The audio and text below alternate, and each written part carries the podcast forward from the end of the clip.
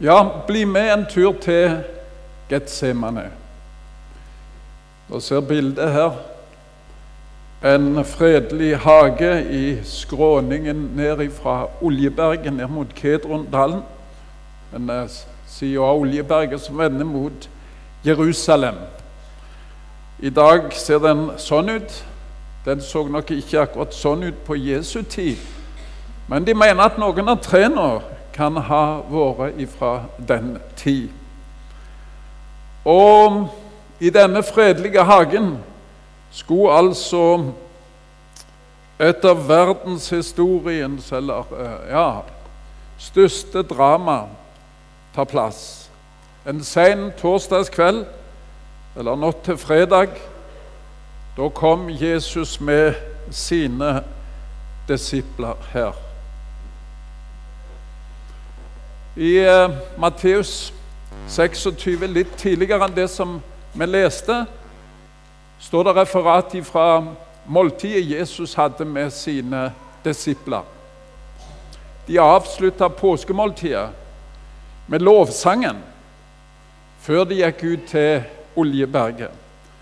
Og denne lovsangen, det var salme 115 til 118, slik som vi har det i Det gamle testamentet. Og se disse versene fra slutten av Salme 118, fra vers 22. Den sten som bygningsmennene forkastet, er blitt hovedhjørnesten av Herren er dette gjort, og det er underfullt i våre øyne. Dette er dagen som Herren har gjort. La oss fryde oss og glede oss på den. Og Herre, frels dog, og Herre, la det dog lykkes. Velsignet være Han som kommer i Herrens navn. Vi velsigner dere fra Herrens hus.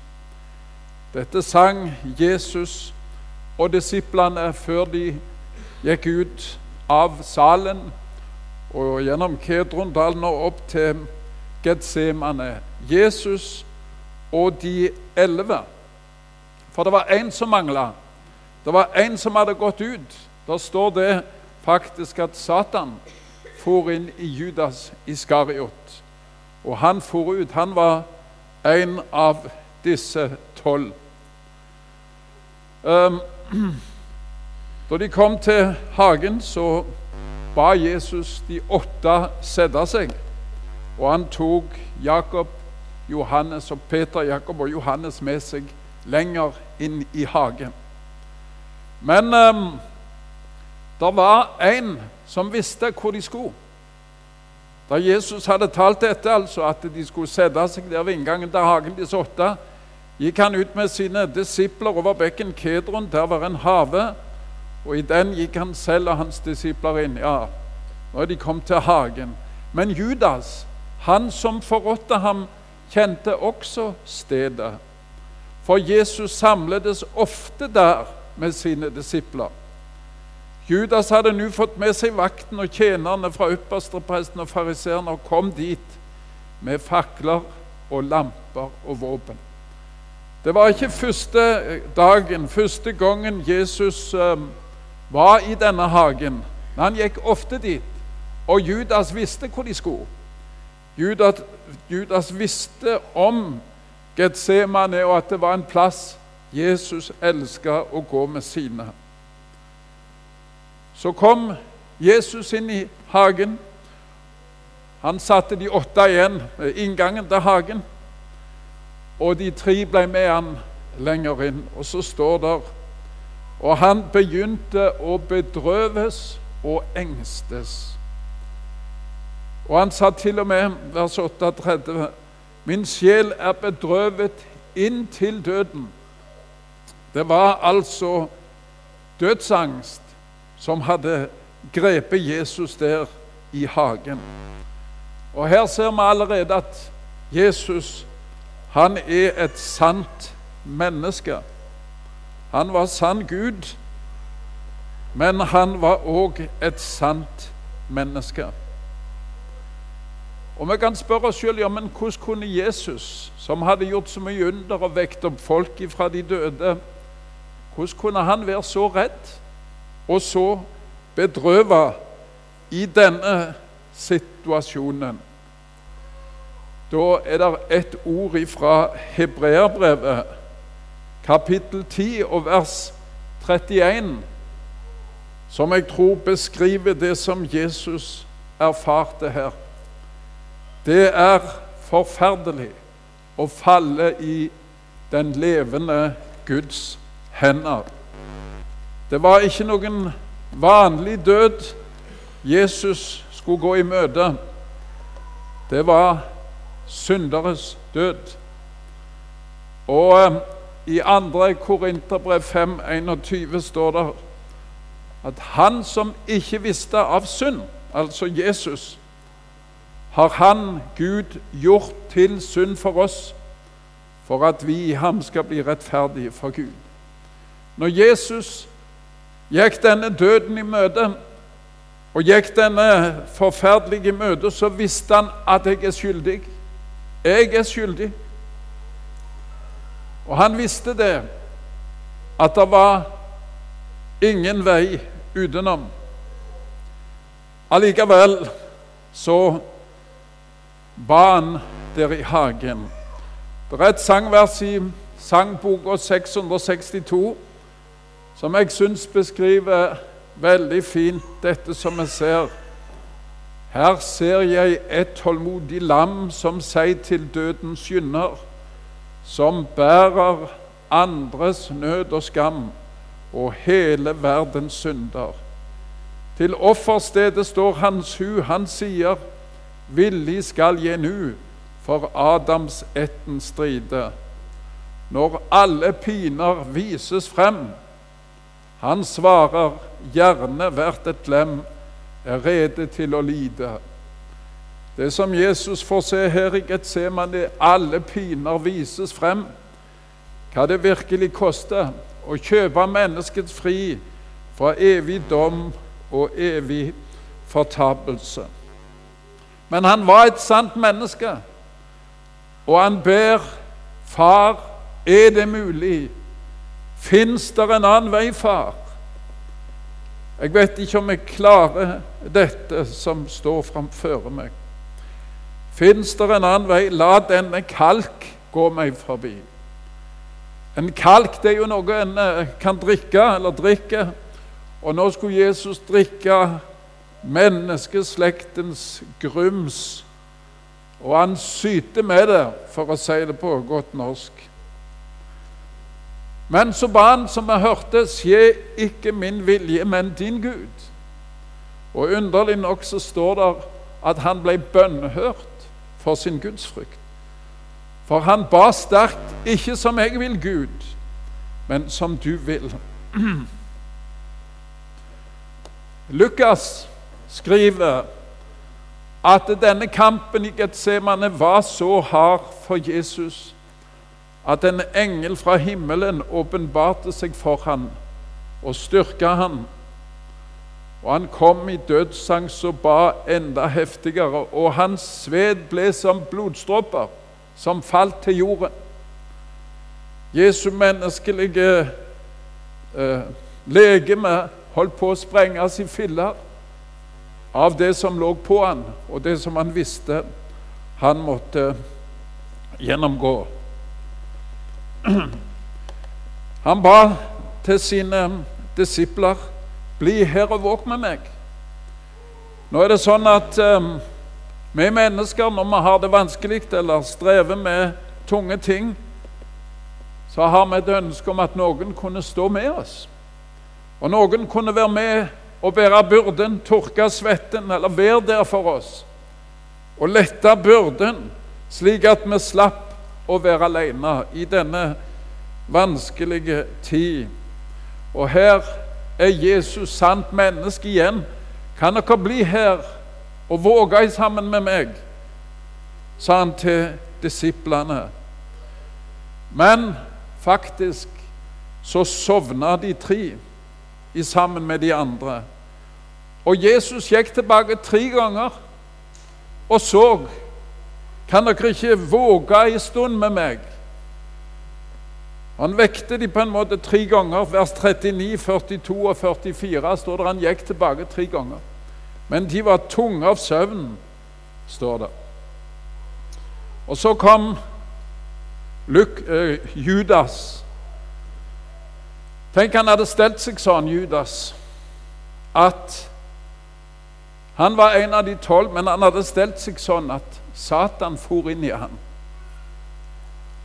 Og når Satan fer inn i et menneske, så har det først åpna opp foran.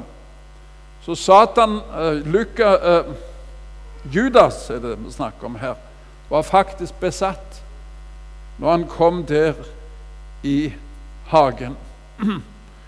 Og han kom og uh, til Jesus, med han som forrådte ham, hadde gitt ham dem et tegn og sagt 'Den jeg kysser, han er det. Grip ham.' Straks gikk han bort til Jesus og sa, 'Vær hilset, rabbi', og kysset ham. Men Jesus sa til Judas, 'Venn, hvorfor er du her?' Da trådte de til og la hånd på Jesus og greip ham. Altså Judas han var besatt av Satan når han kom til hagen. Endelig, tenkte Satan, har jeg deg. Endelig skal jeg få ta knekken på deg. Nå slipper du ikke unna. Jeg ville drepe deg som barn, men du slapp unna til Egypt. Og Det står beskrevet i Åpenbaringen kapittel 12, vers 3 og 4. Der står om ei kvinne der som fødte et barn. Og um, det står om en drage som sto foran kvinnen som skulle føde, for å sluke hennes barn når hun hadde født. Vet ikke om dere kjenner det skriftstedet i Åpenbaringen 12, vers 3 og 4. Da ei kvinne skulle føde et barn, og barnet var Jesus, og dragen var Satan. Og Satan visste nå kommer han, som Gud eh, sa og snakket om det i hagen, og han sa kvinnens sæd skal knuse slangens hode. Og så stiller Satan seg opp i, eh, gjennom Herodes og hans soldater eh, og ville drepe Jesus som barn. Men Gud beskytta Jesus. Og det som vi ser, og som gjenspeiles her, det er denne kampen mellom Satan og Gud, mellom det gode og det onde. For Jesaja skriver om Satan, hvordan han falt ned fra himmelen. Du strålende stjerne, Lucifer, du morgenrødens sønn, hvor du er falt ned til jorden, du som slo ned folkeslag. Det var du som sa i ditt hjerte, til himmelen vil jeg stige opp, høyt over Guds stjerner vil jeg reise min trone, og jeg vil ta sete på gudenes tingfjell i det ytterste nord. Jeg vil stige opp over skyenes topper. Jeg vil gjøre meg lik den høyeste. Her er Satans fall og Satans synd. Jeg er ikke fornøyd med å være engel. Jeg vil være Gud. Jeg vil være Gud. Og til og med så vågte han seg til Jesus sjøl, Guds sønn. Når Jesus hadde fasta i ørkenen i 40 netter og 40 dager. Når han menneskelig sett var svak, så kommer Satan, og så viser han Jesus verdens herlighet, og så sier han Alt dette skal du få av meg hvis du vil falle ned og tilbede meg. Men Jesus sa, Bort fra meg, Satan, for det er skrevet, Herren din Gud skal du tilbe, og ham alene skal du tjene. Så ser vi kampen gjennom Det gamle testamentet og gjennom Det nye testamentet hos Satan. Og de mennesker som har åpnet opp for Satan og blir besatt av Satan, prøver å ødelegge Guds rike, og Satan er ikke mer blyg, for å si det sånn, enn at han ber Gud falle ned og tilbe seg. For det som har vært hans mål, det er å bli Gud sjøl. Judas kommer med forræderiets kyss, et kyss fullt av ondskap. Vær hilset, rabbi, store lærer, vær hilset. Og hva svarer Jesus? Venn, hvorfor er du her? Hvorfor i alle dager er du her, min venn? Jesus kunne jo begynt å irettesette han og si Hvordan kan det ha seg, Judas, at du er her? Men Jesus har gitt menneskene et valg for sitt liv. Har faktisk gitt menneskene frihet til å velge det onde hvis de vil. Og det valget har du og jeg òg. Vi kan velge det onde, eller vi kan velge det gode. Vi kan velge Gud. Johannes skriver at når de kom der med stokker og sverd for å, å ta han, så stilte Jesus seg fram, og så sier han, 'Hvis det er meg dere leter etter, så la disse gå.' Hvis det er meg dere leter etter, så la disse gå. Og det kan stå som overskrift over Jesu verk, lidelse og død. Ta meg og la disse gå. Ta meg og la disse gå. Og det kan vi òg anvende på oss sjøl. De tok han, og så fikk vi gå fri. Peter brukte sverdet, men Jesus sa 'stikk sverdet i skjeden'. Så sier Jesus 'ikke bruk sverd', for hvis jeg hadde vilt, så kunne jeg bedt om tolv legioner engler fra min far. Og jeg måtte slå opp hvor mye er tolv legioner engler. En romersk legion var mellom 3000 til 6000 mann. Altså Jesus sier jeg kunne bedt om mange tusen, mellom 40 til 70 000 engler, hvis det sto på det. Så det er ingen grunn til å prøve med et sverd. Og han lekte øra til ypperste prestens tjener. For eh, Åpenbaringsboka 19 sier at disse legionene med engler Jesus har tilgang på, de skal få komme en annen gang. De kommer, men de kommer ikke da. De kommer ikke for å redde han ut av lidelsen, men når han kommer tilbake. Åpenbaringen 19, og jeg så himmelen åpen og se en hvit hest. Nå kommer Herren Jesus. Han som satt på den, heter Trofast og Sandru og han dømmer og strider med rettferdighet. Hans øyne er som ildslue, og hans hode, på hans hode er det mange kroner. Han har et navn som ingen kjenner uten ham selv.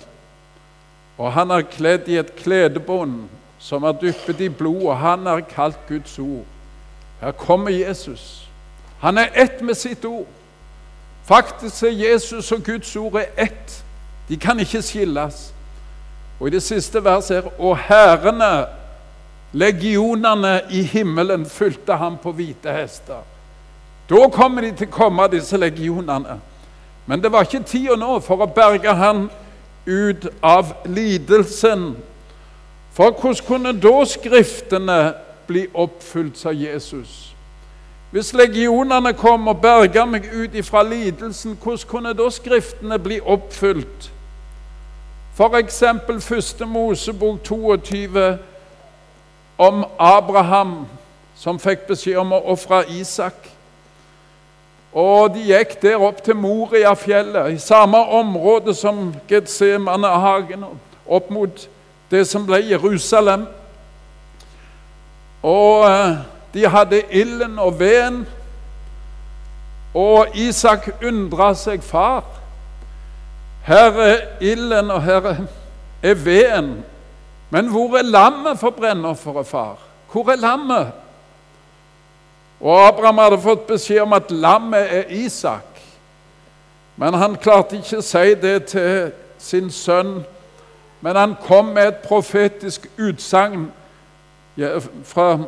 inspirert av Guds ånd. Gud selv vil utse seg lammet til brennofferet, min sønn. Så vet vi hvordan det gikk. Isak slapp fri, og så ble enhver symbolsk ofra. Men Isak slapp fri fordi at Gud hadde et fullkomment lam som skulle ofres som brennoffer. Og hvis Jesus hadde blitt berga ut før han hadde fått gitt sitt liv, hvordan skulle det gå godt, da gått med Isak og disse som hadde satt sin lit til det symbolske offer i påvente av det fullkomne offer. Hvordan skulle det gått med de som hadde sett sin lit til syndebukken? Syndebukken som hvert år ble brakt fram til tabernaklet, og ypperstepresten Aron skulle legge begge sine hender på den levende bukks hode og bekjenne over den alle Israels barns misgjerning og alle deres overtredelser som de hadde forsyndet seg med. Han skal legge dem på bukkens hode og sende bukken ut i ørkenen med en mann som står rede dertil.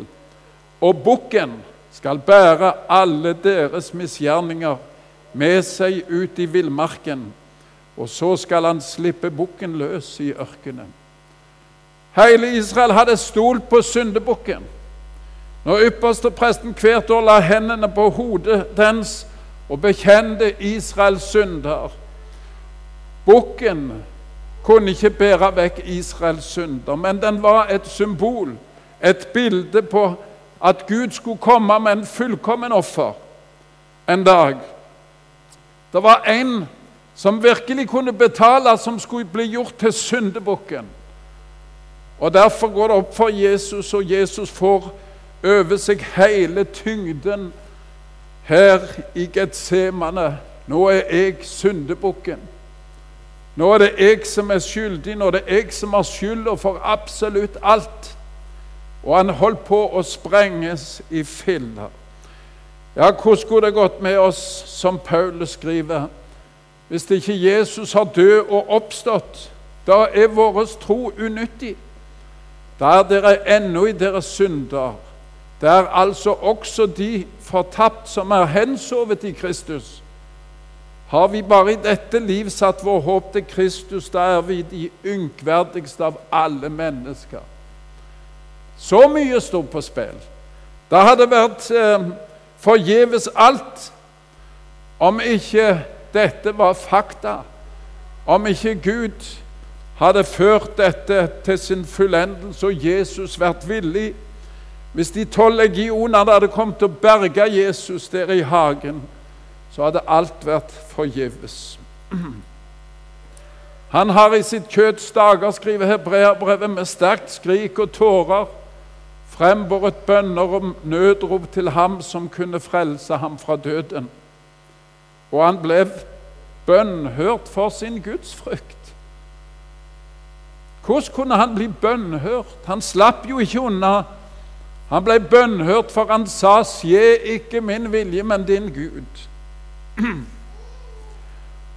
Nå skal vi spole litt fram til Åpenbaringen kapittel 5.